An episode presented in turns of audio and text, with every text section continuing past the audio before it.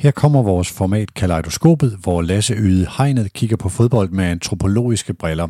Lasse var elev på vores talenthold Mediano Sokrates og skabte i 2019 serien Kaleidoskopet. Nu flytter denne serie ind i magasinet for det mest unikke Mediano-indhold.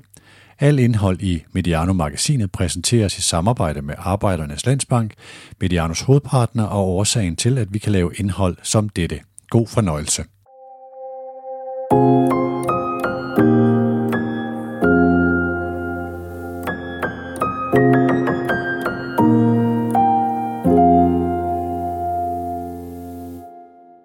Velkommen til denne udgave af Kaleidoskopet på Mediano. Mit navn er Lasse Udhegnet. Øhm, I denne udsendelse der skal vi se nærmere på et begreb, der florerer øh, særligt blandt fodboldfans ude i den store øh, fodboldverden, nemlig begrebet, eller måske snarere ytringen, at man er imod moderne fodbold. Og til at øh, komme rundt om det begreb, der har jeg fået besøg af Patrick Blåbjerg Thomsen, der har skrevet speciale om danske fodboldfans forhold til det her begreb. Og velkommen til, øh, til dig, Patrick. Tak skal du have. Vil du ikke starte med at sætte lidt øh, flere ord på dig selv, og fortælle, hvorfor man kan ende med at skrive speciale om noget øh, umiddelbart så ukonkret, som at være imod moderne fodbold? Jo, det kan jeg i hvert fald. Øhm, ja, først og fremmest, jeg er 27 år, nordjyde, øhm, har lige færdiggjort en kandidat i moderne kultur og kulturformidling. Så er jeg fodboldentusiast, kan man vel kalde det. Øh, jeg følger primært Allsvenskan, og så Superligaen, og har også et øje på Premier League. Øh, I forhold til det her speciale, så øh, handlede det egentlig om, at når jeg cykler ned på universitetet om morgenen, så kom jeg forbi øh, en lygtepæl, hvor der var et klistermærke, hvor der stod det her imod moderne fodbold. Og øh, med tiden så begyndte jeg at spekulere lidt over, hvad søren det her moderne fodbold egentlig er, og jeg begyndte at lægge mærke til det her slogan, kan man kalde det, rundt omkring i byen og forskellige steder. Så øh, ja, det er egentlig affødt af sådan lidt en nysgerrighed på, hvad fodbold er, når det er moderne, og hvad det ligesom var før det, hvis man kan tale mm. om sådan en skældning. Ja, det er jo så det, vi, vi skal prøve at dykke, dykke lidt ned i i dag, fordi det her være imod moderne fodbold, det er noget, jeg som, så også som fodboldfan har hørt i, øh, i mange afskygninger i mange lande. Øh, og ja, det er det, vi skal prøve at, at dykke ned i. Og sådan lige for uh, Akademias og for Nordens skyld, så uh, skal vi lige have afklaret, når vi taler fodboldfans, hvad, hvad taler vi så om? Ja, altså det er ret svært at sige noget generelt om fodboldfans, fordi at det er i virkeligheden en utrolig heterogen gruppe. Altså man kan ikke ligesom sige noget generelt om alle fans, så man kan også se, at stort set alle klubber har fanfraktioner, altså hvor nogle er altså, mere politiske, og nogle er mindre, og der er nogen, der står for nogle visse værdier, og andre har nogle andre. Men det man ligesom kan sige, at fans har til fælles, det er, at de ligesom deler en fortolkning af verden, eller af den her klub, som de så alle sammen holder med. Øhm, og de har ligesom også nogle fælles praksiser. Det kan være nogle sange eller nogle ritualer, man ligesom dyrker på stadion. Og det er ligesom det, der skaber en enhed i fansene. Men den her enhed, når man dykker ned i den, så er den i virkeligheden utrolig splittet i forskellige interesser og værdier. Ja, så som vi jo nok, eller mange lytter måske vil kende det, hvis man følger en bestemt klub, at mange klubber har forskellige fanfraktioner, og mm. de fraktioner kan have altså vidt forskellige ståsteder og holdninger til, til det, der sker både i klubber og generelt.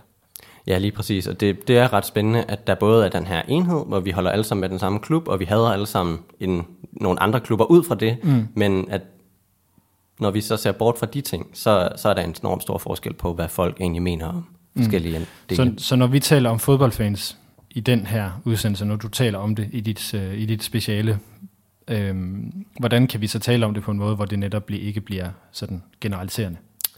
Ja, det er sådan lidt der problemet ligger, fordi at enten så bliver man nødt til at sige noget, der er sådan delvis generelt, og ellers så bliver det så opdelt, at du i virkeligheden ikke kan sige noget om noget som helst, fordi hver enkelt fan jo i princippet er et unikt menneske, der har en unik måde at se verden på. Mm. Så vi kommer til at lave nogle lidt generelle slutninger, som måske ikke yder alle fans retfærdighed, men for ligesom at kunne sige noget om fankulturen og fanmiljøet. Ja, og så er det måske også lidt væsentligt at få, få sagt, at, at det du har baseret dit speciale på, det er blandt andet nogle interviews med fans fra AGF, Brøndby og FCK.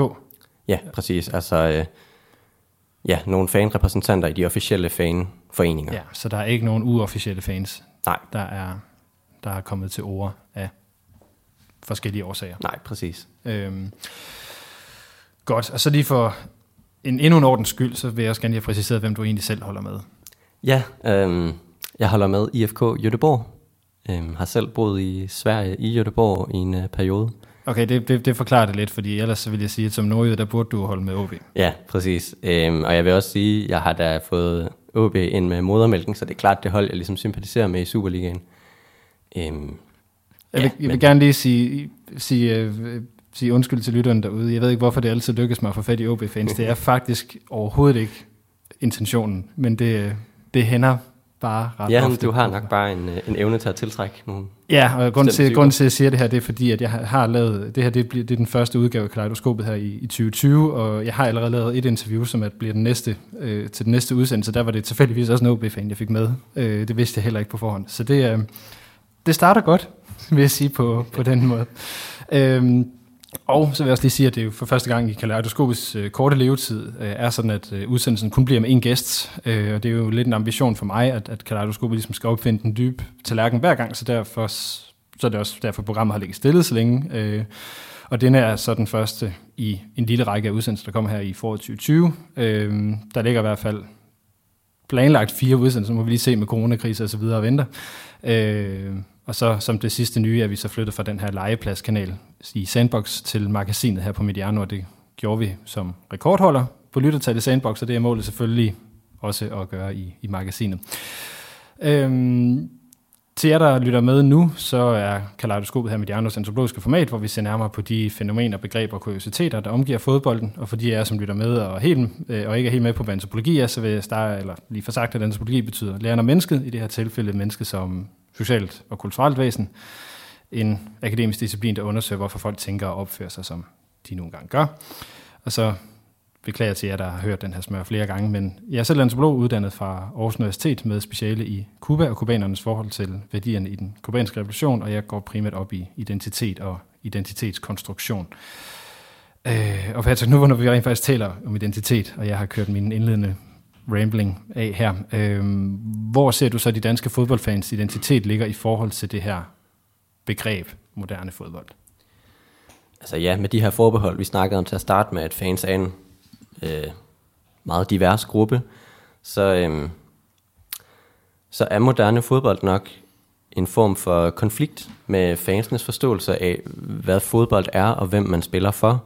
At øh, mange af de fans, jeg har talt med, har ligesom fortalt, at de opfatter fankulturen som ligesom det bærende i fodbold, altså det, som spillet handler om, er i høj grad fans, øh, der gør sporten til det, den er. Og der kan man sige, at moderne fodbold har måske nogle logikker, der går ind og udfordrer den her forståelse, som gør, at nogle fans bliver lidt trodsige over for de her udviklinger, hvor der lige pludselig er nogle andre ting, der kommer til at være det vigtigste, eller kommer til at virke som det vigtigste i fodbolden. Ja, og det er de ting, vi skal prøve at få for afklaret, for vi vil prøve at få lavet en eller anden form for definition af, hvad det her begreb er. Jeg tror, der er mange af os, øh, hvis vi er fan af et hold, at vi godt ved, hvad moderne fodbold ligesom står for sådan i de her lidt vage overskrifter, øh, og dem kommer vi også til at, at, at gå lidt igennem. Øh, og så som sagt inde med en, en, en eller anden form for definition til, til sidst. Men det er ligesom at prøve at finde ud af, hvad er det, der ligger i de her ting, og hvad er det, der er på spil. Og når jeg læser dit speciale, Patrick, så, så er det, virker det meget relevant at, at prøve at tale om fodbolden som en industri, for at forstå, hvad moderne fodbold er. Er det rigtigt uh, læst? Øh, ja, det vil jeg sige. Øhm, man kan sådan overordnet det lidt op i to i forhold til moderne fodbold, som er det, der foregår på banen, altså det rent konkrete spil, hvor altså de taktiknørder, der nu er her en gang imellem, snakker om, at i dag så moderne fodbold for dem handler noget om fart og teknik og noget taktisk snille at kunne omstille sig. Det er sådan de dyder, som trænerne taler meget om i moderne fodbold. Og det vi kommer til at tale om, er måske mere det her fodboldspillet som en del af et samfund, hvor der ligesom sker en udvikling, som fodbolden er en del af. Så fodbolden som fænomen? Ja, er præcis. Ikke så meget spillet, men mere fodbolden som et fænomen, og alt det, der omgiver den. Mm. Og som du siger, det er jo ikke rigtig noget nalfast begreb. Der er jo ikke nogen, der har lavet en definition af, hvad moderne fodbold er. Det er mere sådan en række af idéer, som er mere eller mindre diffuse. Men ja, i forhold til det her med fodbold som en industri, så øh, lod jeg mig inspirere lidt af en kulturteoretisk tekst fra 1940'erne, som er skrevet af to øh, tyskere, som øh, flygtede fra nazismen til USA, hvor de begyndte at kigge på øh, øh kultur og kunst i USA. Det kunne være øh, malerier, film, musik, øh, hvor det de ligesom lod mærke til var, at de her kunstformer ligesom havde mistet lidt den egenværdi, de ligesom havde, at musikken var ikke længere noget, der skulle få folk til at tænke eller reflektere, og det samme var filmene ikke rigtigt. At det hele handlede lidt om, at det skulle laves til nogle ting, der kunne blive solgt, og så skabe profit for musikindustrien eller filmindustrien. Og det er lidt det samme, man måske kan se øh, fodbold gøre, at det vigtigste er ikke, at det ligesom berører mennesker, eller noget, der kan skabe refleksioner, eller noget, men at det er noget, som man kan sælge til folk, som så kan skabe en form for profit, hvor det ligesom bliver penge, der er omdrejningspunktet, altså nogle ejere eller nogen. Så, så det, der bliver pro- øh, problemet her, det er, at fodbolden går hen og bliver et ikke bliver fodbold i sig selv, men bliver til et produkt i en underholdningsindustri. Sådan ja. groft sagt. Jamen præcis, og det er helt sikkert også et komponent i det, at man ligesom taler om fodbold som et underholdningsprodukt, og problemet i sig selv er jo ikke, at fodbold er underholdende, men at det i højere grad er et produkt end et spil, eller en aktivitet, eller et fællesskab, eller hvad man ellers kunne ligesom tale om fodbold som. Og det er efterhånden blevet så indgroet, at det faktisk er svært at tale om fodbold, uden at omtale det som et produkt. Altså, ja, igen, de fans har talt med mig selv, ind omkring at omtale fodbold som et produkt, og man kan også sige, at her på Mediano har jo også Hammer og Brygman, der i høj grad er et format, hvor man taler om fodbold som en forretning, og fodbold som et produkt, og hvordan kan vi ligesom skabe mere værdi i det her produkt. Altså det er det også, når, når vi har et format, der hedder Superliga for voksne, som jo også træder bag de her ting. Ikke? Men, men fodbold som produkt er, er netop en ting. Og hvad hedder det? Du har fem punkter, som du ligesom får skrevet, der kendetegner den her mm. fodboldindustri, eller, eller kulturindustrien i, yeah. i, i virkeligheden. Og der er det første punkt, som er det, du lidt har berørt nu, det er, at, at industrien alene har til formål at skabe profit. Ja. Det er det første kendetegn. Ja, det er, det er hårdt sat op, men, men ja, det er i hvert fald noget, der er en udvikling, der er ret tydelig, når man kigger på fodbold. Mm. Vil du prøve at gå og tage os igennem de, de øvrige fire? Ja, altså, øhm, så er der det her med, at der opstår konflikt, altså interessekonflikter mellem især fans og, hvad kan man sige, ejere eller klub. Øhm, man kan blandt andet se det, da Arsenal fik de her Visit Rwanda som uh, trøjesponsor, hvor de havde dem på ærmet, hvor der var flere Arsenal-fans, der var ude og var lidt kritiske over for, at man havde et land, hvor man måske ikke følte, at det land repræsenterede de værdier, som klubben stod for, eller i hvert fald fansene følte, at de stod for. Vi har også haft det med Barcelona, der ligesom i en lang periode ikke havde nogen trøjesponsor på maven. Øhm, og så først fik UNICEF, og derefter Qatar Foundation, hvor der også var mange fans, der var ude og være kritiske over for det. Og så har man også set det i for eksempel Tyskland, hvor øhm, Schalke 04 jo har haft Gazprom i lang tid, og i den forbindelse har klubben formand, øh, Clement Tönnies, haft ret stærke relationer til Putin og hele Gazprom-selskabet, øh, hvilket også skabte ret meget konflikt øh, under hele den her krimkrise, hvor Clemens Tönnies også var sådan lidt for tæt på Putin, med mange fans. Øhm, og så bliver der ligesom det her, hvor nogle fans synes, at klubben forråder de værdier, de identificerer klubben med. Øhm, I Danmark har vi også haft øh, det i små, mindre tilfælde, blandt andet da Grifa kom på maven af AGF, var der også øh, fans, der var ude og være kritiske over for det. Og det er det, det eksempel, vi kommer tilbage til senere ja, også. Ja, øhm, og Lars Seier, da han gik ind i Parken Sport Entertainment, var der også visse FCK-fans, der var ude og altså, forholde sig lidt kritisk til det. Øhm, så er der selvfølgelig også tilfælde, hvor at fansenes kritik ligesom skaber en forandring i klubberne. Vi har også set herhjemme, hvordan nogle klubber ligesom har droppet deres øh, træningslejre i Dubai og Katar, så, hvor man faktisk går ind og lytter til fansenes ønsker. Så det er jo et af de øvrige punkter, det her med konflikten mellem fans og, og klub. Ja. Så har vi været omkring det her med, at det i højere og højere grad bliver omtalt som et produkt. Øhm, og i det, at det bliver et produkt, så bliver fodboldfans jo også på en eller anden måde til konsumenter. Øhm, eller forbrugere. Med ja, præcis. Med, med altså, at fodboldfans indflydelse på deres klub kommer i virkeligheden til at handle om, hvordan de forbruger det. Og der kan man jo så tale om, det er et demokratisk problem for fans, at de ligesom ikke har indflydelse i og med, at de ikke sidder i nogen bestyrelser. Det er der i hvert fald ikke i mange klubber. Så man kommer primært til at kunne reagere på de beslutninger, der bliver truffet på bestyrelsesniveau i klubberne. Øh, og det kan man jo så gøre mellem ja, boykot eller forskellige ting. Øhm. Og så er der jo også det her med merchandise. Altså der kommer jo en 3-4 nye trøjer nærmest hver sæson og alle mulige ting. Og i England har man jo også set billetpriser på langt over 1000 kroner, hvilket jo også ligesom presser en del af fodboldsegmentet ud, fordi de simpelthen ikke har råd til at gå på stadion. Så det er også det her med så, den her. Så det der med, at, fodbolden igen som produkt er gået ind i en, en, en markedssfære, hvor det Præcis. er højspydende, der ligesom har mulighed for at være med. Ligneragtigt, og det er også, kan man sige, på nogen måde et demokratisk problem, at der er en gruppe af fans, der faktisk ikke har råd til at komme på stadion. Altså, det er jo så ikke et problem i Danmark, kan man sige, men i England er det jo en arbejderklasse, der ligesom er blevet drevet ud af stadion. Så det der altså en demokratisk problem, det, det synes jeg lyder som så pæn en måde at, at, at få det sagt på. Øh, selvom det er det, det er helt rigtigt udtryk for det. Men det er simpelthen, at, at, at fodbolden bliver, altså, den ikke bliver folkelig. Ja, altså det er jo... Eller tilgængelig. Præcis, det er i hvert fald en komponent i det, man kan... Det som jeg i min opgave er i hvert fald identificerer som moderne fodbold, at der er sket den her transformation, der gør, altså har nogle konkrete påvirkninger på visse fangrupper. Øhm, og hvis vi så lige skal runde af, så er den sidste jo egentlig bare det her med, at der er kommet stigende overvågning, i, øhm, når man går på stadion. Det er så især for stadiongængere, der oplever det, at øh, man bliver monitoreret som fan, man bliver ledt hen af nogle bestemte veje og lukket ind af nogle bestemte slusesystemer, og man bliver overvåget. Og det er måske egentlig ikke et problem i sig selv, fordi for mange er det egentlig ret tryghedsskabende, at man ved, at folk bliver visiteret og ikke tager alle mulige øh, kanonslag med på stadion eller i hvert fald bliver tjekket for det. Mm. Øhm, men det er jo en del af den udvikling, vi har set i løbet af de seneste årtier, at den her teknologi er kommet til rådighed, så derfor er det også en, man implementerer i fodbold på stadion. Og så for lige at rise det hele op, så alle de her ting, jeg har nævnt, er jo ikke unikt for fodbold. Det er jo ligesom nogle udviklinger, der er sket i hele samfundet, så på den måde, så spejler fodbolden jo bare det samfund, den er en del af. Altså det her med penge som et drivende element i mange forretninger, Øhm, Eller fænomener i det hele ja, taget. Ja, fænomener, altså ting, der måske ikke er et produkt i udgangspunktet, men bliver ligesom lavet om til det. Det kan være ydelser eller andre ting, der mm. egentlig ikke er et produkt, men bliver ligesom lavet om til det. Og så skaber man nogle forbrugere, der så kan øve indflydelse via deres forbrug, øh, og det skaber nogle konflikter, og vi har det her overvågning. Så alle de her ting er jo ligesom egentlig bare en del af en samfundsudvikling, som vi så også kan se i fodbold. Mm. Og det er jo så det, der bliver det interessante spørgsmål, fordi hvor er det her moderne fodbold så opstået henne? Og der, øh, derfor du, kommer du ind på nogle ting, som, som overraskede mig lidt, da, da, da jeg læste. Øh, fordi det, det peger ret meget over på England.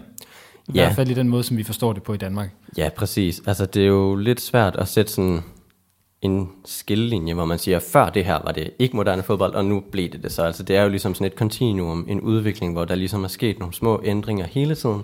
Så det er lidt svært at, at ligesom tale om det her oprindelse, hvornår skete det, eller hvornår opstod det. Ja. Men altså, England er nok et ret godt sted at tage fat, mm. fordi at vi kalder det fodboldens vugge, eller de gør det i hvert fald selv, og at det også ligesom der spillet øh, har udviklet sig mest mm. ekstremt. Ja, øh, på alle, i forhold til alle aspekter i, mm. i virkeligheden. Øh, og der synes jeg, det er interessant at gå tilbage til, til, til det, jeg har valgt her i, i oplægget, kaldt social administration i forbindelse med, med afviklingen af kampen. Altså det her med, øh, kontrollen på stadion. Altså, mm. Altså hvem står hvor, øh, hvem sidder hvor. Ja. Øh, hvor man jo i gamle dage, hvis man gik i idrætsparken i København, jo ikke havde et en fast plads. Altså der gik man ind, og så kunne man bevæge sig frit mellem tribuner, og der var ikke øh, opdeling af ude- og hjemmefans, fordi det var der af visse årsager ikke behov for. øhm, og det er jo så der, hvor øh, jeg har skrevet, skal, vi, skal vi tale lidt om Hillsborough, fordi det virker som om, at det ligesom er stedet at starte for at tale om, og i hvert fald den her del af, af moderne fodbold. Mm. Ja, altså der er ret mange, der taler om den rapport, der ligesom fulgte efter Hillsborough, som et af de dokumenter, der har haft størst betydning for udviklingen af moderne fodbold. Fordi at staten ligesom kiggede på Hillsborough-katastrofen og sagde, hvordan kunne det her ske? Det nedsatte de en kommission, der skulle finde ud af, som så blev skrevet af en fyr, der hedder Lord Justice Taylor, og derfor kom rapporten så hedder Taylor-rapporten. Og der øh, går han ligesom igennem nogle ting, der ligger til grund for, at den her katastrofe overhovedet kunne finde sted. Øhm, og det var ikke fordi, det bare var Hillsborough, der ligesom var tricking point, at der har ligesom været masser af ulykker på engelske stadions op gennem det 20. århundrede, også på Bradford og andre steder, hvor folk både er blevet kvæstet og døde på stadion. Men i den her rapport, der ligger han i hvert fald op til, at der skal ske en række ændringer af de engelske stadions, hvor man blandt andet skal altså, være mere opmærksom på en restriktiv alkoholpolitik. Øhm, så skal man afskaffe tribuner, hvor man kan stå op, og ligesom gøre det all-seated. Øh, og så skal man frem for alt renovere de her stadion, så de kommer i bedre stand, fordi at de engelske stadions var elendige på det her tidspunkt. Så det er jo så i midt-80'erne, vi, øh, vi taler i forhold til, til Hillsborough. Ja, det var jo 89, og så den her rapport kom i 90, så vidt jeg husker. Ja, jeg tror, jeg forveksler det som med Heisel-katastrofen, ja. øh, som er tidligere, hvor de engelske hold bliver udelukket fra, fra europæisk fodbold. Lige præcis. Så det her det er så ligesom sømmet i ligekisten til, Til de gamle stadions, kan man vel ja, sige. til, til, til gammeldags fodbold. Ja. øhm, og så sker der jo så det næste, øh, som, som øh, jeg, jeg kan forstå på, på, på dit speciale, at der, der er ret afgørende et andet dokument, som er det, som FA de udgiver i 91, som hedder The Blueprint for the Future of Football. Og hvad, øh, hvad var det, og hvad betyder det så for udviklingen af den moderne fodbold? Jamen altså, de største og rigeste engelske klubber havde ligesom presset på igennem en årrække for at få lov at lave en liga, der skulle være uafhængig af den engelske divisionsforening. Og det øh, lægger det her dokument til opsæt, det kan de få lov til. Og året efter så bliver Premier League, som vi kender det i, som i dag, ligesom oprettet. Og det er rigtig nok en liga, der ligesom er uafhængig af den engelske divisionsforening, der fungerede ligesom den danske divisionsforening fungerer i dag, at klubberne også ned i de lavere divisioner har repræsentanter, som er med til at stemme og tage beslutninger, når der er noget, der vedrører ligaerne. Øh, blandt andet også noget med fordeling af penge og så videre. Og det øh, kan de her klubber så ligesom bryde med og selv bestemme, hvordan de vil fordele pengene, og selv få lov til at stå for tv-aftaler og forhandlingerne af dem. Mm. Så, i, i, så som kontrast, bare for at sætte det helt, øh, helt, helt skarpt op, så er det, at man går fra den her meget demokratiske dem- beslutningsproces og fordelingsnøgle til en mere elitær. Ja, altså rigtig mange fodboldforskere øh, kalder det ligesom et opgør med den socialistiske model. Ja, eller det, eller det, som jeg tror, man måske ville kalde en amatørmodel. Altså det her med, at der ikke var nogen, der nødvendigvis skulle have flere fordele end, end andre. Ja, præcis, og det, der bliver det jo også hurtigt en ideologisk diskussion om, at det her er i virkeligheden et godt eller et dårligt skridt, og det er jo også meget, hvor man ligesom står i hele det her. Mm. Og det er jo faktisk noget, der sker lignende i Danmark, fordi det er jo her, vi får oprettet Superligaen, mm. øh, cirka samtidig. Og jeg må indrømme, der er jeg ikke helt skarp på, hvad Superligaen, øh, udover det selvfølgelig også er en professionalisering og en, øh, skal vi kalde det produktificering af, af, af dansk fodbold, der sker med, med det. Ja, men øh, Superligaen er så alligevel inde under divisionsforeningen, så det er ikke sådan, den bryder fri og, og har sit eget løb kørende og sine egne forhandlinger.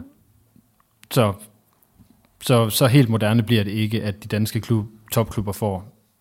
De har selvfølgelig stadigvæk lidt mere magt, det kan vi også se på de senere tv-aftaler og sådan nogle Mm. ting, ikke? men det er ikke Altså de mindre klubber har stadig også en indflydelse og noget at sige i det her. Ja, så vi blandt andet kunne se på ligaudvidelser og, og ikke ligaudvidelser her de, de senere år. Men de her to rapporter, øh, de tiltag, som de sætter i søen i forhold til de moderne stadioner, så den, den, skal vi sige, den moderne måde at drive fodbold på, hvordan, øh, hvordan kommer de til udtryk? Jamen altså igen det her med, at klubberne fik ligesom brug for at skaffe penge på nye og lidt kreative måder, hvilket man blandt andet gjorde ved at finde nye måder øh, for sponsorering, altså nye metoder at sponsorere på, øh, hvor man blandt andet også har set det her med, at stadionnavnet er blevet solgt mange steder, selvfølgelig også mange steder, de ikke er.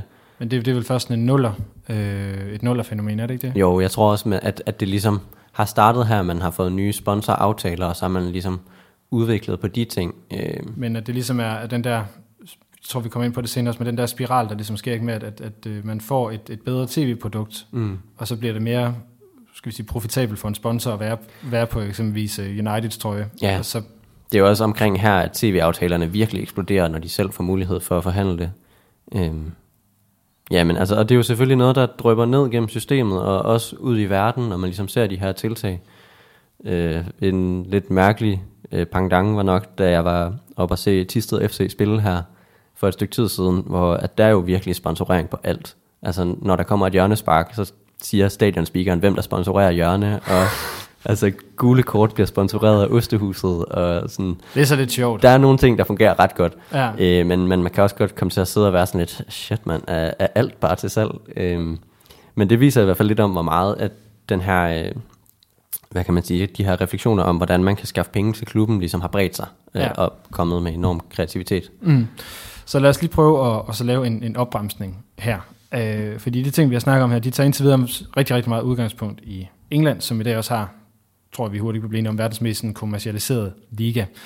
Og spørgsmålet er så, at det, der er sket med England, er det det, som vi kan kalde moderne fodbold? Mm, det, det er måske... l- Kan man sige, England er jo virkelig ekstrem, som du også selv siger. Øhm, og det er et ret interessant sted at se hen, fordi det er så ureguleret i England, at der kan man bare se, at priserne eksploderer, både lønninger og transfers osv. Det lyder virkelig meget sådan Wild West-agtigt. Ja, egentlig. Og sådan andre lande har jo reguleret markedet på andre måder, og også andre sportsgrene har jo også. Øhm, Og FIFA har jo så også forsøgt ligesom at skabe en form for regulering med det her financial fair play, som ja, der, der, der kan man nok også diskutere, hvor meget det ligesom har lykkedes. Øhm, men, men det er i hvert fald England, man kan sige på mange måder har været forgangsland for det, vi har set sprede sig. Altså det, som jeg også ser i, i det, det er jo den her, skal vi sige, kultivering eller øh, sådan tæmning eller opdyrkning af, af fodbolden som marked af, af, af masserne, som, som fans, de bliver opdyrket eller indsat til at være øh, forbrugere af fodbolden som, som et produkt. Øh, altså magten til, hvem der styrer vis adfærd, hvor det så ikke er længere fan, på fansenes præmisser. Er du enig i den? Øh, delvist. Altså det er jo lidt hårdt sat op, at der er nogen, der på den måde prøver at øve kontrol over andre så bevidst. Men altså, der er jo mange fodboldklubber, der ligesom vælger at spille kampe på tidspunkter, her tænker jeg på tv-tider, øhm, som ikke harmonerer godt med fansenes interesser, men mere handler om, hvornår tv-selskaberne kan få flest seere på deres kampe. Så på den måde kommer der jo til at være en, en konflikt mellem fansenes interesser og klubbens økonomiske interesser og tv. Så på den måde er der jo nogen, der prøver at styre fansene som forbrugere. Mm. Og det er jo så det, mange fans ligesom prøver at, at stride imod med, fordi at igen, de fans, jeg har talt med, ligesom opfatter fans som selve kernen i fodbold. Øhm, og det kan man måske især se i den her tid, der lidt lige op til den her øh, pause af Superligaen i forbindelse med covid-19-krisen, eller hvad man skal kalde det, at det her med, at der blev spillet for tomme tribuner, hvor altså, det er helt vildt, hvor meget det betyder for sporten. Altså man vil jo næsten hellere se en fodboldkamp uden en fodbold, end uden fans. Mm. Fordi at det er så markant, hvad de betyder. Øhm. Måske også den, den helt gode manifestation af, hvorfor fans skal tages mere seriøst øh, i forhold til tomme stadion osv. Klart, jeg tror i hvert fald virkelig, at det er noget, der har sat nogle, forhåbentlig har det sat nogle tanker i gang hos nogle af dem her, der er med til at tage beslutninger om, øh, ja, hvem man skal tage mest hensyn til, om det er tv-selskabernes økonomi og klubbernes økonomi, eller om det er fansene. Mm, men når vi taler om det her, så det her med tv-tider, det handler jo i, i første omgang primært om Danmark, fordi i England og på det globale marked, der øh, altså, jeg ved godt, de engelske fodboldklubber spiller, spiller ikke alle sammen klokken øh, to om, om lørdagen mere, eller klokken fire om lørdagen, eller, eller hvornår det nu var, de spillede, øh, i, i, i de gode gamle dage, men, mm. men at det er jo særligt i Danmark, der er blevet påvirket af, at vi har kampe på alle de her skæve tidspunkter, fordi vores produkt ligesom skal konkurrere med, med, med Premier League. Øhm, godt, det var ligesom det, jeg har valgt at kalde tema 1. Mm. Sådan ligesom der, hvor, hvor moderne fodbold starter, og det er jo så meget med fokus på England. Så har jeg så lavet tema 2, som, som jeg kalder cases, hvor øh, jeg gerne vil høre, hvad du, hvad du tænker i forhold til øh, nogle af altså bare for at få nogle af de her andre nuancer på moderne fodbold med også. Mm. Øhm, og det er en ting, som der også i et vist omfang er blevet diskuteret her i kaleidoskopet tidligere på, på Mediano generelt. Og det første, det handler om fans, der ligesom bliver integreret i fodbolden som et produkt, både for, for sponsorer og, og medier. Og så er der så det her nye koncept, som hedder afsponsorering, som er en tendens, vi behandler her i femte afsnit af, af kaleidoskopet, og kort så op, så er det jo den her marketingstendens, hvor en sponsor betaler en klub for ikke at være på en trøje eller en tribune, men siger, man giver noget tilbage til klubben, selvom klubben stadig modtager penge for et trøjesponsorat eksempelvis.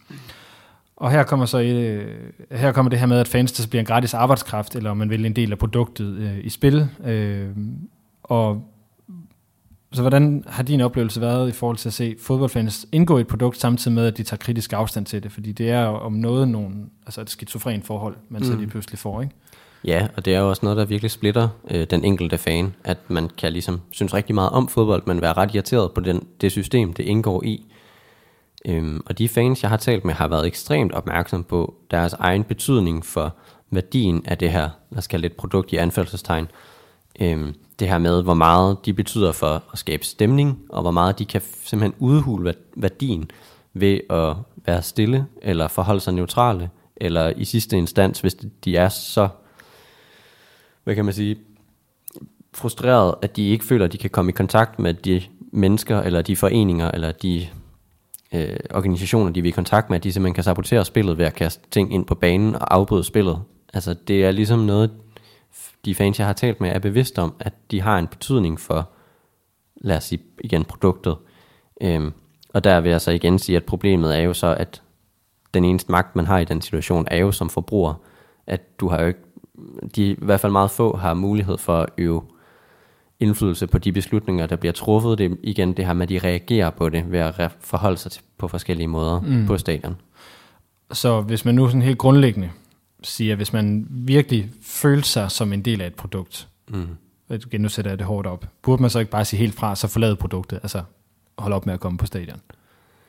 Øhm, jo, det, igen det her, hvad man burde, og hvad man ligesom er i stand til. Altså, måske minder det lidt om at være i et, i et forhold med en, øh, en, man virkelig holder rigtig meget af, og man har en super fed historie sammen, og det er en, en partner, man bare virkelig elsker, men den partner gør bare nogle ting, der virkelig irriterer en.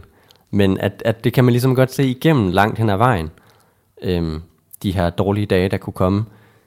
Men altså, hvis man først rigtig føler sig forrådt, eller altså, at partneren er utro med, med tv-selskaber eller stort firma, øh, for nu øh, øh, at bryde metaforen, mm. altså så er det måske, at fansene trækker sig. Altså det har man jo for eksempel kunne se med den her udbryderklub af Manchester United, der hedder FC United of Manchester, hvor fansene simpelthen følte sig så meget forrådt på deres værdier, at de brød med det og lavede en ny klub på helt andre præmisser. Eller AFC Wimbledon, der også er ja, et, et billede på det samme. Så det er sket med det igen i England, i, i der hvor, hvor det er helt ekstremt. Og det handler jo ikke om øh, spilletidspunkter, eller den slags, som jo ligesom er, er, er en af de ting, jeg opfatter som, som, som kommende i fanmiljøet i Danmark, som et af de store problemer, det er de her meget, meget skæve spilletidspunkter, hvor man jo ikke rigtig føler, at man har en magt. Mm. Øh, og ligesom at, ja, tallene vist nok viste her i, i, i den ene runde af Superligaen, der blev spillet uden tilskuer, at, at så mange tv-serier var der faktisk heller ikke, eller der var færre tv-serier, end der, end der plejede. Mm. Øh, så hvorfor er det, at fans generelt ikke, ikke, ikke kan forlade det her? Er det fordi, at, at øh, nu lægger jeg måske et svar i munden på det, er det fordi passionen for, det, for holdet eller for sporten er så stor, at man faktisk ikke kan afproduktificere sig selv? Ja, jeg tror, at der er ret, altså man er klar til at gå ret langt for den her øh, kærlighed, man har til sin klub. At, at altså, hvornår man ligesom bryder med den og siger, nu kan jeg ikke være i det længere, mm. eller hvad man skal sige. At, at den, er, altså, men den grænse finder man nok først, når den bliver overskrevet, og indtil videre, så kan man godt se, at nogen også ligesom prøver at skubbe til fansene, for at se, hvor langt man kan gå. Og der er jo så også eksempler på nogen, ja, der er gået for langt, i forhold til, hvad fansene kan være med til. Mm. Og øh, nu har du vævet dig lidt mod at sige fodbold som produkt, øh, men er det ikke også det, der er en del af problemet, at det bliver omtalt netop som et produkt? Øhm, igen skal det jo også understreges, at nogle fans går enormt meget op i det, mm. og synes, det er et kæmpe problem. Og så er der nogen, der faktisk er relativt ligeglade. Så det er også svært at sige, at fans generelt er sådan og sådan. Men øh, på en personlig note, og der kommer jeg måske lidt i kampolage med nogle fodboldinteressenter og noget erhvervsliv, der lever af at sælge fodbold som et produkt. Men jo, jeg synes, at, at det er et problem, at man reducerer fodbold til et produkt i den måde, man taler om det på. Så det er, for at bruge i din egen personlige holdning her, så er det lige så meget fordi, at man får forsimplet det, at man glemmer det fodbolden ellers er. Ja, at, at man kommer til meget at tale om, hvordan man kan skabe mere værdi i det her produkt, og altså hele de her markedsidéer kommer til at dominere måden, vi omtaler og dyrker fodbold på, i stedet for måske at se det mere som et fællesskab, eller en æstetisk udfoldelse, eller en måde, mennesker indgår i relationer på. Øhm, det bliver selvfølgelig lidt abstrakt, men, men jeg synes, at, at det er at reducere fodbold og fokusere så meget på det som et produkt, som man gør mm. mange steder. Og nu har vi været lidt inde omkring det her med tv-penge og sendetider. Øh, det blev jo sådan lidt på Twitter advaret mod at gå, gå, gå for meget ind i, så det ikke blev en eller anden fladpandet diskussion om det. Men, men den palaver, der er omkring det, er det et rent dansk fænomen? Øh, nej, ikke som jeg ser det. Altså i Tyskland og Sverige også øh, har man gjort rigtig meget modstand mod øh, tv's indflydelse på spilletidspunkter. Så det er et, en, en del af moderne fodbold, det er også de her forskellige tv-tider? Ja. Og det gælder også så højt op som til Bundesligaen? Ja. Nu stiller jeg, spørger jeg rigtig dumt, for jeg ser ikke tysk fodbold. Nej, men, øh, ja, jeg har også øh, set øh, flere fanaktioner der, hvor de demonstrerer mod mandagskampe, for eksempel. Okay. Og de her sendetider på tv, er det et udtryk for, at øh, den vare, som dansk fodbold øh, er blevet, ikke længere er, altså, altså at dansk fodbold ikke længere er sig selv nok, men fordi det bliver holdt op mod et tilsvarende, eller i hvert fald et, et på papiret tilsvarende produkt, som engelsk, eller tysk, eller spansk fodbold. Mm, det er nok lidt enkelt at lave den konklusion, men, men altså, det, på mange måder virker det som om ligaerne indgår i en konkurrence om at komme ud på det største marked. Altså også i Spanien, hvor man jo har flyttet kamptidspunkter for ligesom at tilpasse det, det asiatiske marked.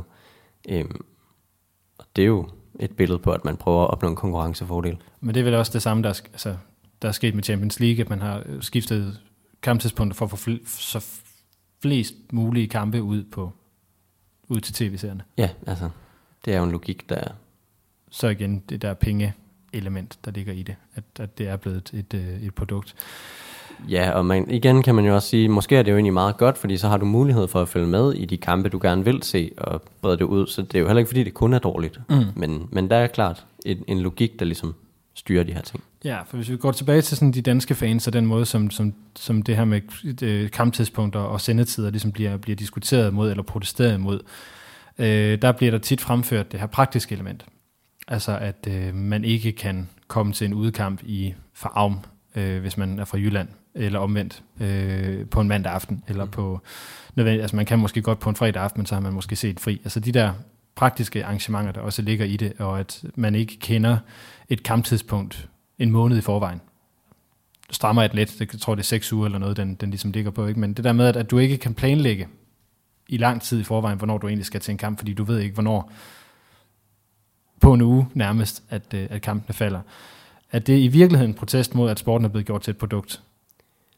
Øhm, jeg tror mere, at altså, ud fra de interviews, jeg har lavet med fans, så handler det mere om, at de oplever det som en nedprioritering af deres vilkår. Altså at man ikke vil fansene i så høj grad, som fansene ligesom synes, at man bør, mm. i forhold til, hvad de har at tilbyde.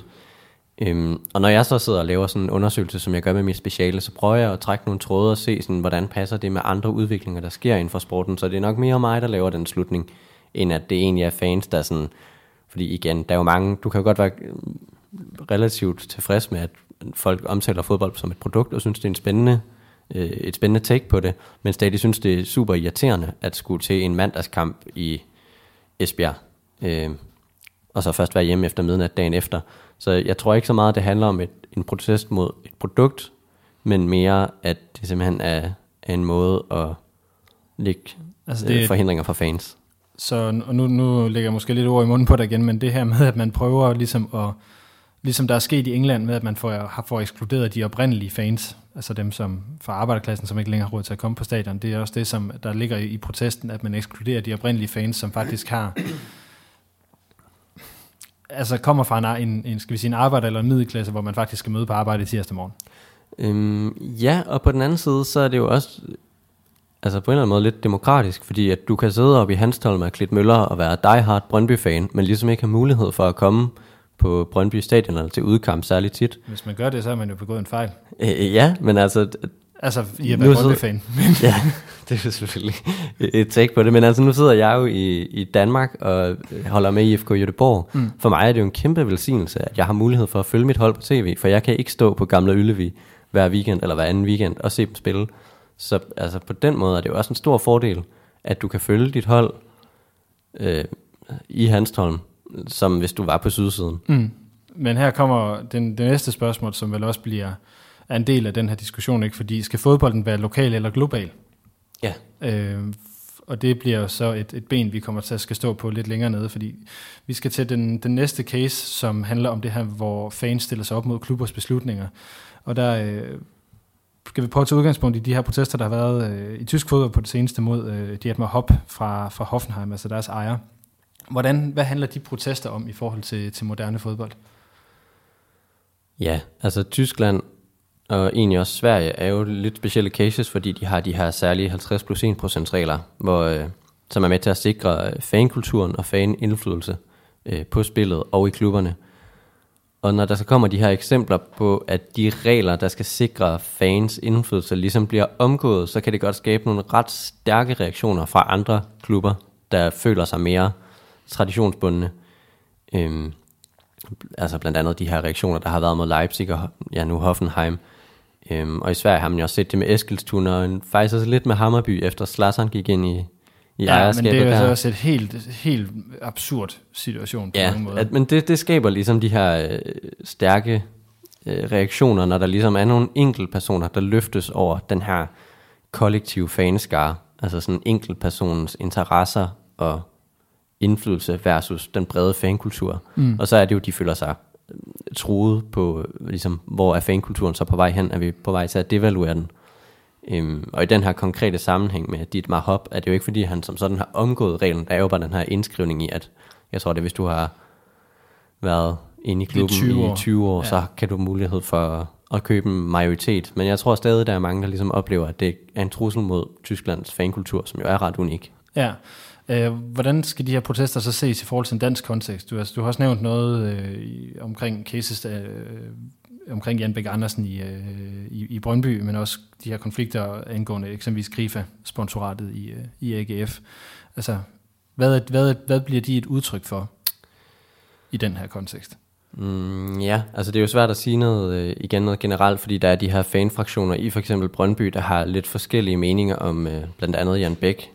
Øhm, men på et overordnet plan, så er det jo problematisk, når en enkelt person køber sig ind i en klub, eller får aktiemajoriteten, fordi man i høj grad bliver overladt til den persons luner, eller hvad man kan sige, og hvor blandt andet Jan Bæk jo har en vis historik for at blande sig i personalesager, og det kan jo være ret frustrerende, hvis man er fan, og måske ikke er enig i den måde at drive en klub på, som han gør, eller synes, det strider med klubbens identitet eller etiske retningslinjer. Det siger jeg ikke nødvendigvis, at Jan Bæk gør. Øhm, men, men der kan det jo være svært som fan, og, fordi man ikke kan styre, hvem der køber ens klub. Mm. Øhm, og i AGF, der var det jo det her med Krifa, der var trøjesponsor, var det jo også ligesom det her med, at det er en gul fagbevægelse. At det ligesom også strider mod klubbens værdier. Øhm, og det er også i den her konflikt, at fans begynder at gøre modstand. Mm. Øhm, jeg sidder lige og spacer lidt ud med, øh, over, altså det lyder meget, altså, som om det også handler om et kontroltab. Ja, altså, når nogen enkelte ejere køber en klub, så må man jo bare håbe, at det er en fed ejer, og de gør nogle gode ting for klubben, men man har jo også set eksempler på ejere, der køber en klub, og så driver den i sænk. Mm. Altså, Malaga er jo også et eksempel på det. Der, det er der mange, mange eksempler på. Så jeg, øh, da jeg tidligere gik op i, i, i anden fodbold, i den danske fodbold, der, der holdt jeg minority, øh, jeg holder sådan set stadigvæk med dem, men det er bare på et helt, helt andet plus, men der, der, der var der mange voldsomme diskussioner, om man skulle blive med den lokale ejer, eller man skulle få den her rigmand ind udefra. Altså en total 50-50 nærmest opdeling af, af fangrupperingen derovre, om, om, om man skulle gå efter den sportslige succes, eller man skulle gå efter at blive ved med at være det, man var, eller mm. det, man er, øh, hvis det giver, giver mening at sige. Øh, og det er jo også det, det her lidt om, omkring, at alle ønsker jo, at deres fodboldhold får succes, men så er det jo så igen med ejerskab eller sponsorater, så det her med, med rigtige eller forkerte penge, der ligesom er på spil. Mm. Kan man tale om det? i forbindelse med moderne fodbold, at der findes rigtige og forkerte penge, man kan få succes med? Jamen, altså, problemet, sådan som jeg ser det, det er, at man som fan ikke har mulighed for at overhovedet bestemme, hvem der køber eller sponsorerer ens klub. Det er ligesom ude af ens hænder. Der er jo ikke rigtig noget fair trade mærke i forhold til de penge, der strømmer ind i klubber, hvilket man måske godt kunne ønske sig. Altså for eksempel det her med Manchester City og City-gruppen, der er ejet af mennesker fra Abu Dhabi med et, altså et virkelig blakket ry i forhold til menneskerettigheder. Øhm, altså hvordan skal man forholde sig til det som fan, og lad os sige, at du får et, et altså en betting sponsor, der er jo rigtig mange klubber, der også har. Altså hvis du ligesom ikke står inden for de her sponsorater, eller de her klubejere, så tror jeg bare, at ens, altså det her med, så kan man ligesom risikere, at kærligheden visner mm. til en vis grad. Øhm, og man kan blive sponsoreret af en eller anden bank, og man er sådan lidt, hvad har den her bank egentlig investeret i? Er der ligesom nogle oliepenge, eller er der noget social dumping og noget byggeri i det? Eller, altså, hvordan skal man kunne gennemskue alle de her øh, penge, der flyder ind og ud af klubber? Øhm, så jeg ser det mere som et, et strukturelt problem, fordi at, som man også kan sige, der er jo klart gode ejere, lokale øh, fans, der køber klubben og virkelig har de bedste ting som, som, dit, som dit med hobby jo egentlig er et eksempel på. Ja, præcis. Og på mange måder også Jan Bæk, som også er en lokal fyr, øh, Brøndby-fan og så videre. Det er jo mega fedt, at man kan få fans ind, der kan, altså, som man ligesom identificerer sig med.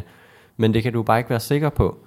Altså, Men det er også sådan, hvis vi lige venter for at afbryde dig, øh, hvis vi nu tager også den her dit med hop øh, protesterne, eller egentlig også de protester, der, der har været i Brøndby mod Jan Bæk, at, at det er ligesom to forskellige lag, fordi i, øh, i Jan Bæk-casen, der er det jo egne fans, måske mest af alt, der er skeptiske. Men i dit, dit med Hop-casen, der er det faktisk kun modstandernes fans, der er skeptiske, fordi Hoffenheims fans er jo super lykkelige. Ja, øh, altså det er måske også fint, at der er de her ejere, der kan komme ind. Men igen, så synes jeg, at det er en struktur, der ligesom skaber et skred. Altså ligesom med Barcelona for trøjesponsor, som vi også talte om tidligere. Altså man starter med ikke at have nogen, fordi det er et princip, at trøjen skal være ren. Så får man UNICEF, som ligesom er en velgørende organisation. Og så lige pludselig så har man Qatar Foundation på maven, som mange fans ligesom Ja, det er lidt det modsatte. ikke bryder sig om. Øhm, og på samme måde er det jo lidt med ejerskaber i fodboldklubber. Altså man kan starte med at have et princip om, at vi er en fodboldklub, øh, og den er ejet af medlemmerne som en forening. Og så måske deler man elitedelen op til et aktieselskab, som man har gjort i mange danske klubber. Der bliver aktiemajoriteten så overtaget af en lokal fan. Og så lige pludselig senere, så bliver den solgt til udenlandske investorer, som ligesom snarere ser det som en forretning, end som et fællesskab. Og det er ligesom, hvor i den her kæde skal du sætte ind, og hvor når bliver det et problem. Det er der vildt mange delte meninger om, men, men det er ligesom en struktur, der gør, at det kan skride på den her måde, og så må man som fan bare krydse fingre for, at det er nogle gode ejere eller sponsorer, der kommer ind i en klub, for man har vidderligt ingen indflydelse på det. Mm. Altså det, et andet eksempel kunne også være Leicester, eksempelvis, som jeg har havde den her thailandske ejer, som jeg tror ikke, der er nogen Leicester-fans, der vil være utilfreds. Nej, nej, altså han var jo enormt elsket, og det er jo mega fedt. Men problemet er jo bare, at så er der andre klubber, der får en, en, en lorteejer. Ja, altså, altså Card- Cardiff, Jamen præcis, altså hvor alt bare går op i hat og briller, og ja, vi kan godt pege ud på enkelte tilfælde, hvor her er det godt, her er det dårligt, her er det godt, her er det dårligt, men så længe strukturen er som det er, så er det jo helt tilfældigt, hvad for en ejer, der kaster sin kærlighed over en vis klub.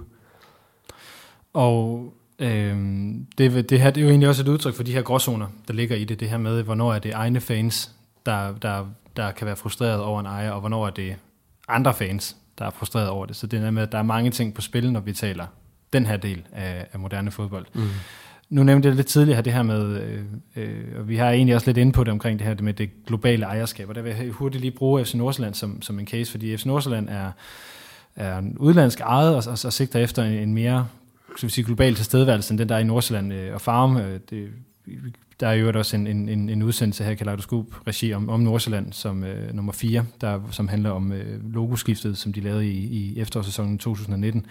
Men med udgangspunkt i, hvad, hvad du ved, Patrick, om, om moderne fodbold øh, som begreb, er en FC Nordsjælland så appellerende til en, skal vi sige, den, den klassiske fodboldfan? Øhm, øh, uden at træde nogle Nordsjælland-fans over fødderne i øvrigt. Eller så, Nordsjælland ejer eller lignende. Ja, så er det jo ikke fordi, der er et voldsomt tilskuertryk øh, på Right to Dream Park. Øhm, og det kan der selvfølgelig være mange årsager til. Det ligger jo i et område, hvor der er mange store klubber, altså geografisk i Københavnsområdet og, og Lyngby er der jo også. Øhm, men blandt andet også, når man hører, hvad kan man sige, de centrale skikkelser i klubben tale om klubbens ambitioner og visioner, så handler det jo rigtig meget om en forretningsmodel og en måde at drive en fodboldklub på som forretning. Og det er måske bare ikke noget, der appellerer super meget til klassiske fans. Altså sådan, det er svært som en relativt ny klub at skabe en stærk fankultur ud fra en meget bestemt forretningsidé. Øhm, og hvad kan man sige? Dermed ikke sagt, at det ikke er en fed fodboldklub, eller at de har alt muligt grund til at få ros for deres, øh, det er på deres talentudvikling og alle deres måder at drive det på. Men igen, det appellerer nok bare ikke til, som du siger, en klassisk fan. Men, men det gør jeg, altså nu, altså det er ra- lidt, det, det er rart at kunne sidde og skyde med skarp, bare fordi man kan ikke, men FCK appellerer jo til nogen, og det FCK er jo også om noget, og har altid været drevet meget forretningsagtigt. Øh, så så hvad, er, hvad er forskellen? Er, er det et, fordi, at, at Nordsjælland er globalt ejet? Altså, København har jo brandet sig meget på at være byens hold, mm. øhm, og kommer jo også lidt af det gamle KB. Øhm, så, så der har jo på en eller anden måde været en kultur, og også nogle spillere, der har været med til at skabe en kultur, øhm, hvor det på en, en eller anden måde også lidt svært at hive ikoniske spillere fra FC Nordsjælland frem. Øhm, Ja, altså, det, er, jo- det, er jo så den, det er jo så den næste øh, ting, jeg egentlig vil ind på. Så jeg er glad for, at du nævner det her. Det er det her omkring øh, genkendelighed og, og kontinuitet. Ikke? Fordi Nordsjælland får jo solgt deres spillere altså, efter to sæsoner på, på første holdet. Altså, du når jo ikke at, som almindelig Superliga-fan, når man jo nærmest ikke at lære en spiller at kende, før han er væk. Altså, fra, fra Nordsjælland hold. Så, mm. hvor, så hvor meget betyder identifikation i forhold til moderne fodbold som begreb? Ja, altså det, det ligger der jo sikkert også noget i det her med, at FCK har de her ikoniske spillere, som William Kvist og Brøndby har Per Nielsen og Daniel Akker, og så er der Wirtz i OB og Hø i OB og så videre. Øhm, at det er måske mere, Nordsjælland nok mere et hold, virker det til, som sådan nogle fodboldnørder og taktikere virkelig nyder at følge, fordi de gør tingene på sådan en interessant måde. Øh, og det kan jeg virkelig godt forstå, men jeg er også lidt, hvem skal fansene knytte bånd til? For der, altså, der er helt sikkert virkelig mange fede spillere, men som du siger, de bliver hurtigt solgt. Og så er der også sådan nogle spillere som Rygaard og Nikolaj Larsen, som måske har været der i en periode. Men altså, de er måske bare ikke så markante udad til, som man kan sige, nogle andre spillere er i Superligaen. Øh, og så er spørgsmålet måske i virkeligheden også, om det er en fankultur, der ligesom løfter de her spillere op til at blive ikoniske, eller om spillerne ligesom kan gøre det uden fanbasen. At måske er det i virkeligheden også en forklaring, at der er ikke de her sådan, For det var jo, altså, det var jo også en MT Liga, der var der i mange år. Det er ikke? rigtigt. Så, Altså som, sådan- som et eksempel, ikke? men Øh, ikke en af de her sådan, ja det er selvfølgelig også en definitionssag, men altså Augustinsson i OB og hvem har de? Jamen altså, det, det var så en af de ting, jeg ville, ville nævne, ikke? det her med, at, at øh, vi jo ikke nødvendigvis længere ser altså de der spillere, man, man vokser op med, altså være i klubben som, som Wirtz Augustinusen eller, eller Rigsgaard i, i OB, som, som jo er spillere, som, altså, jeg var et barn, da de ligesom kom ind på holdet, og så er man ligesom blevet voksen i den karriere, de har haft, så jeg kan nærmest ikke huske et OB-hold uden dem. Mm, Øh, så den der, og det er måske igen identifikation, at hvem er det? Er det vores drenge, der løber ind på banen, eller er det de, altså det, man jo også kalder lejesvende, ikke? mm, Øh, ikke kun dem, der er på lejekontrakter, men de der fodboldmigranter i Mm. godsøjen, der, der kommer og udfører deres job i to sæsoner, så er de væk.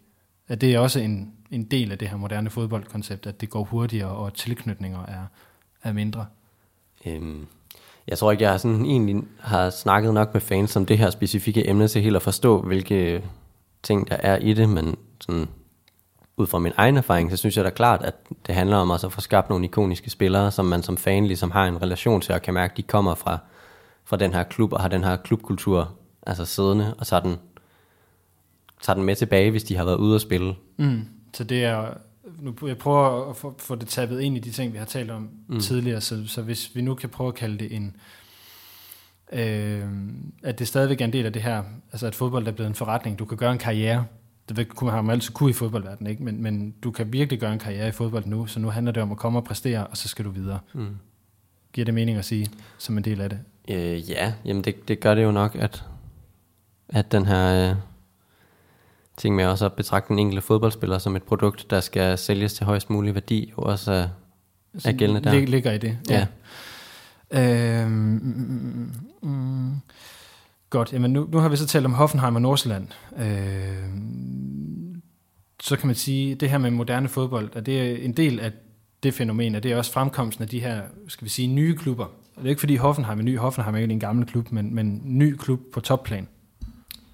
Altså er det, er det fordi fodbold er så stok konservativ, at vi bare ikke kan lide, når der kommer et FC Midtjylland? Mm, ja, altså, der er en øh, østrisk fodboldforsker, som hedder Gabriel Kuhn, øhm, som er tidligere professionel fodboldspiller faktisk, og så har en doktorgrad i filosofi og er anarkist. Øhm, og han skriver i en af hans bøger, at øh, det som de gamle traditionsklubber har, som er tradition, er i virkeligheden bare noget, de bruger som et selling point, eller til at styrke brandets værdi, men i princippet så bliver de kørt på præcis samme måde som mange af de her nye plastikklubber. Så i virkeligheden er det, at de her klubber egentlig mere eller mindre ens, og hvad kan man sige, de nye klubber er jo bare blevet født direkte ind i den her logik, som vi taler om som moderne fodbold, øh, hvor de andre klubber måske lidt hen ad vejen har givet op på Så det er forståelsen, så det er forståelsen af en bestemt klub, som værende en del af moderne fodbold eller ej. Ja, han nævner specifikt Bayern München og Manchester United som nogle klubber, der egentlig bare bruger det, at de er gamle til at sælge Ja. tingene dyre, men i princippet så gør de det samme som de nye klubber, som fansene ikke kan lide. Ja.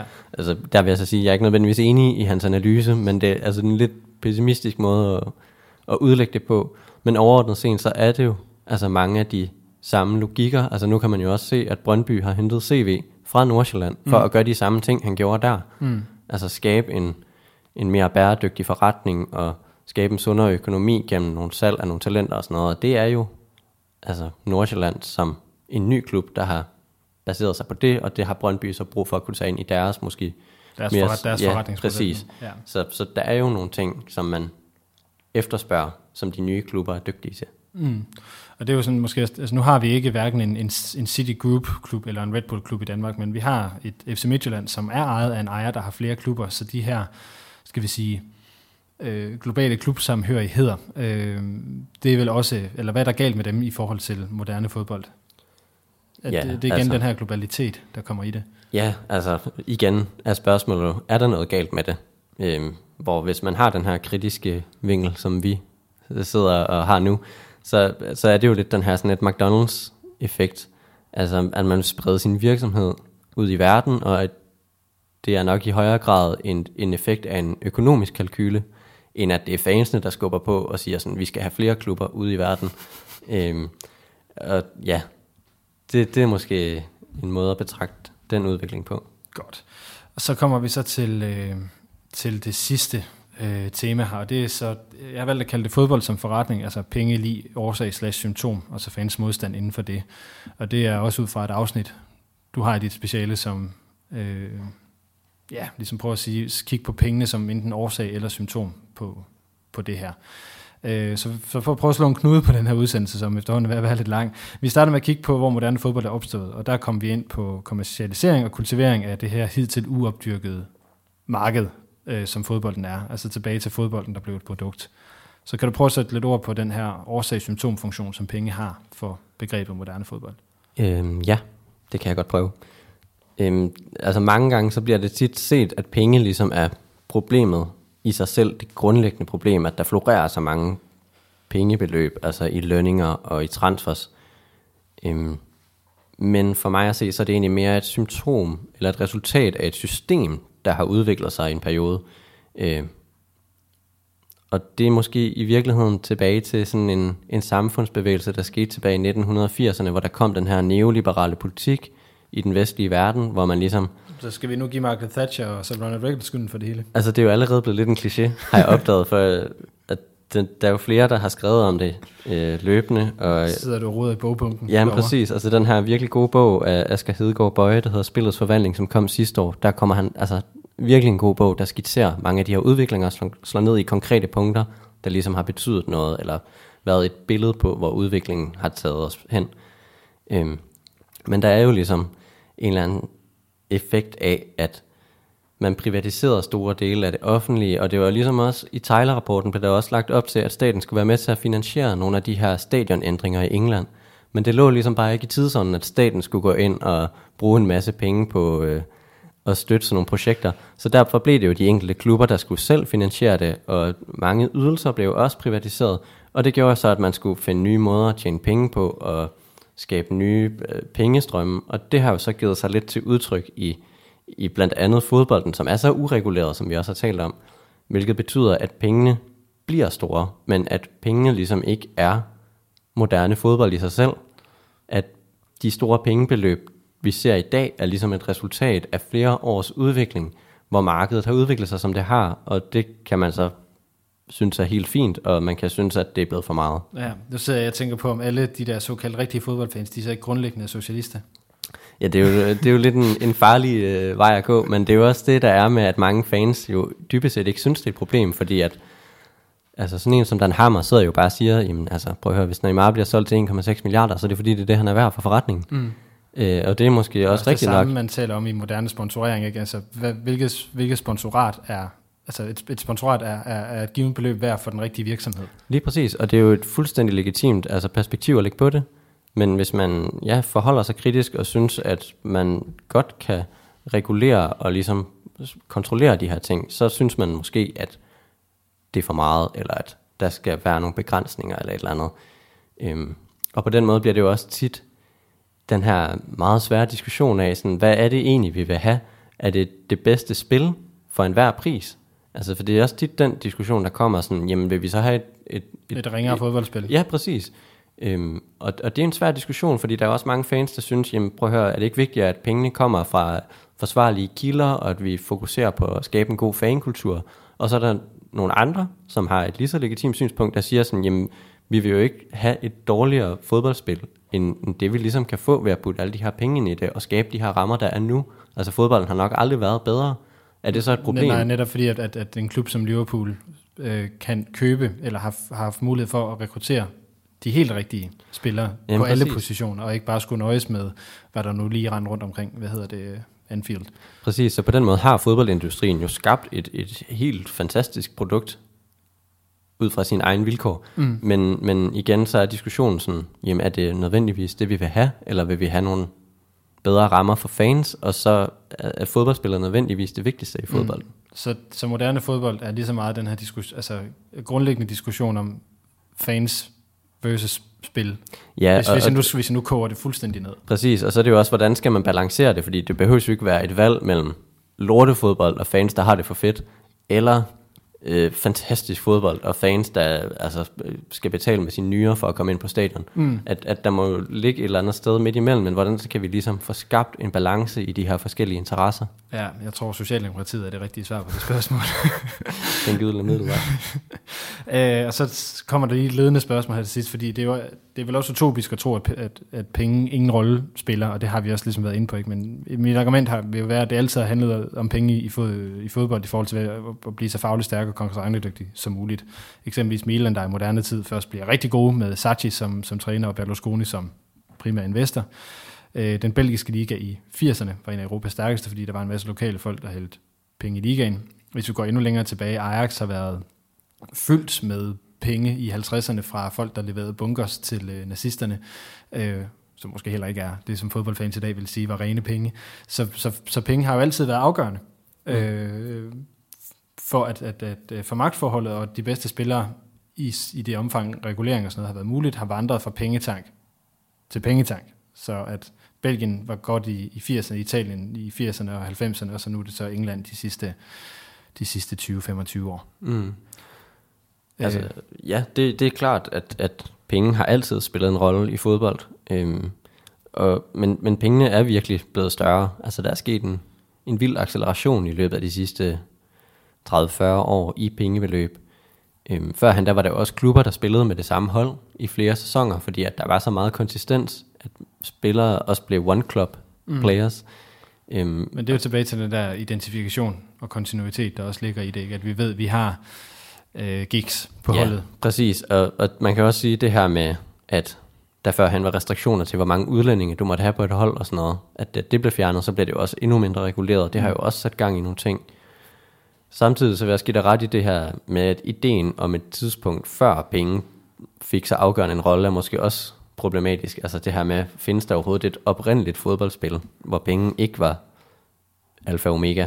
Det er det, fordi selv i amatør Danmark, altså det kan ja. godt være, at vi ikke havde professionel tilstand, men hvis man spillede i KB, så havde man altså, kunne man godt få et job, fordi så var der alligevel nogen, der var medlemmer, som havde en virksomhed. Eller Ja, ja, altså det, det, er jo, det er jo svært ligesom at, at de der afledte ting, mm. men altså det var jo først i 1978, at det blev legitimt at lønne fodboldspillere i Danmark, så, så der har jo været en form for, urtilstand. ja, det er hvad man skal kalde det, men det, det bliver hurtigt ekstremt romantisk, mm. og det er jo også i sig selv lidt, Og hvis vi skal være helt ærlige, professionel fodbold har eksisteret i England siden 1820'erne.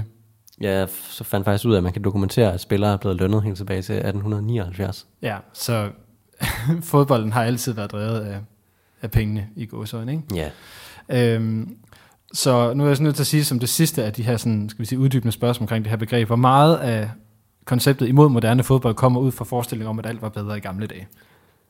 rigtig meget. altså sådan, øh, fans er ekstremt konservative, altså i forhold til, hvad man er, er klar til at ligesom er, af forandringer. Så hver gang der kommer de her nybrud, altså vi kan også bare se det med VAR. Mm. Altså virkelig også noget, der deler fans. Jamen, det er en dårlig idé.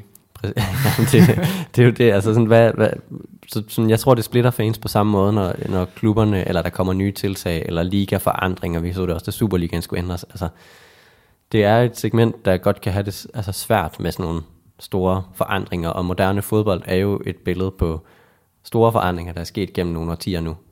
Øhm, så, så på et tidspunkt, så er der jo nogen, der slår helt i. Ja, det synes jeg faktisk er et, et rigtig godt sted at, at stoppe. Nu har vi også været i, været i gang længe. Så bare lige for at rise op, øh, hvis vi skal prøve at definere begreb, begrebet moderne fodbold. Ja. Værsgo. Øh, ja, tak. Øh, Hvis, sådan, som, som sagt, det er ikke et nalfast begreb, men den måde, vi ligesom har talt om det her, der er det jo et, at klub og klubejerne, de søger efter økonomisk profit. To, at der opstår konflikter mellem fans og klub ud fra de her interessekonflikter. Tre, at fodbold frem for alt er blevet et produkt, som man så skal sælge, og det forvandler øh, så supporterne som konsumenter, hvilket er det fjerde punkt. Øhm, Eller til konsumenter. Ja, præcis. De bliver forvandlet til konsumenter, der så skal købe de her fodboldprodukter, billetter og merchandise og tv-pakker osv. Og, og det femte punkt er så det her med, at, at fans i højere grad bliver overvåget på stadion, fordi det er en teknologi, der har vundet ind i takt med fodbolden har udviklet Så i virkeligheden tilbage til definitionen af fodboldindustrien. Ja, præcis. Ja. Altså det er det, jeg vil omtale som moderne fodbold, eller i hvert fald nogle kendetegn på det. Ja, godt. Jamen, jeg tror, vi, øh, vi skal stoppe der, medmindre der er noget, du synes, vi mangler. Øhm, nej, jeg fik anbefalet Asger Hedegaard Bøjes bog. Øhm, det var egentlig det, jeg ligesom havde synes var vigtigt at få ud over rampen. Det er lidt, jeg vil sige, det er lidt morsomt, for jeg har faktisk overvejet at, at få ringet til Asger og spurgt, om han ville være med i den her, men øh, nu, nu kører vi den så uden. Men han har jo så været lidt med i ånden, ja, kan vi præcis. så konstatere. Vi har, vi har tænkt på ham undervejs. det er godt. Patrick, tusind tak for, at du havde, havde lyst til at være med her og hjælpe med at, at dykke ned i det her begreb. Jeg håber, jer, der har lyttet med, har fået en... Måske er I ikke blevet klogere, måske kunne I have tænkt jer til de her ting, men i hvert fald fået nuanceret det her vage begreb, moderne fodbold. Så igen, Patrick, tusind tak for, at du har lyst til at være med. Ja, tak fordi jeg måtte komme. Og øh, tusind tak til jer, der har lyttet med. Det her det var den 6. udgave af Kaleidoskopet. Øhm, der kommer som sagt nogle flere her i løbet af de næste uger og måneder af foråret 2020, så jeg håber, vi lyttes ved. Mit navn er Lasse Hegnet, og tak for nu.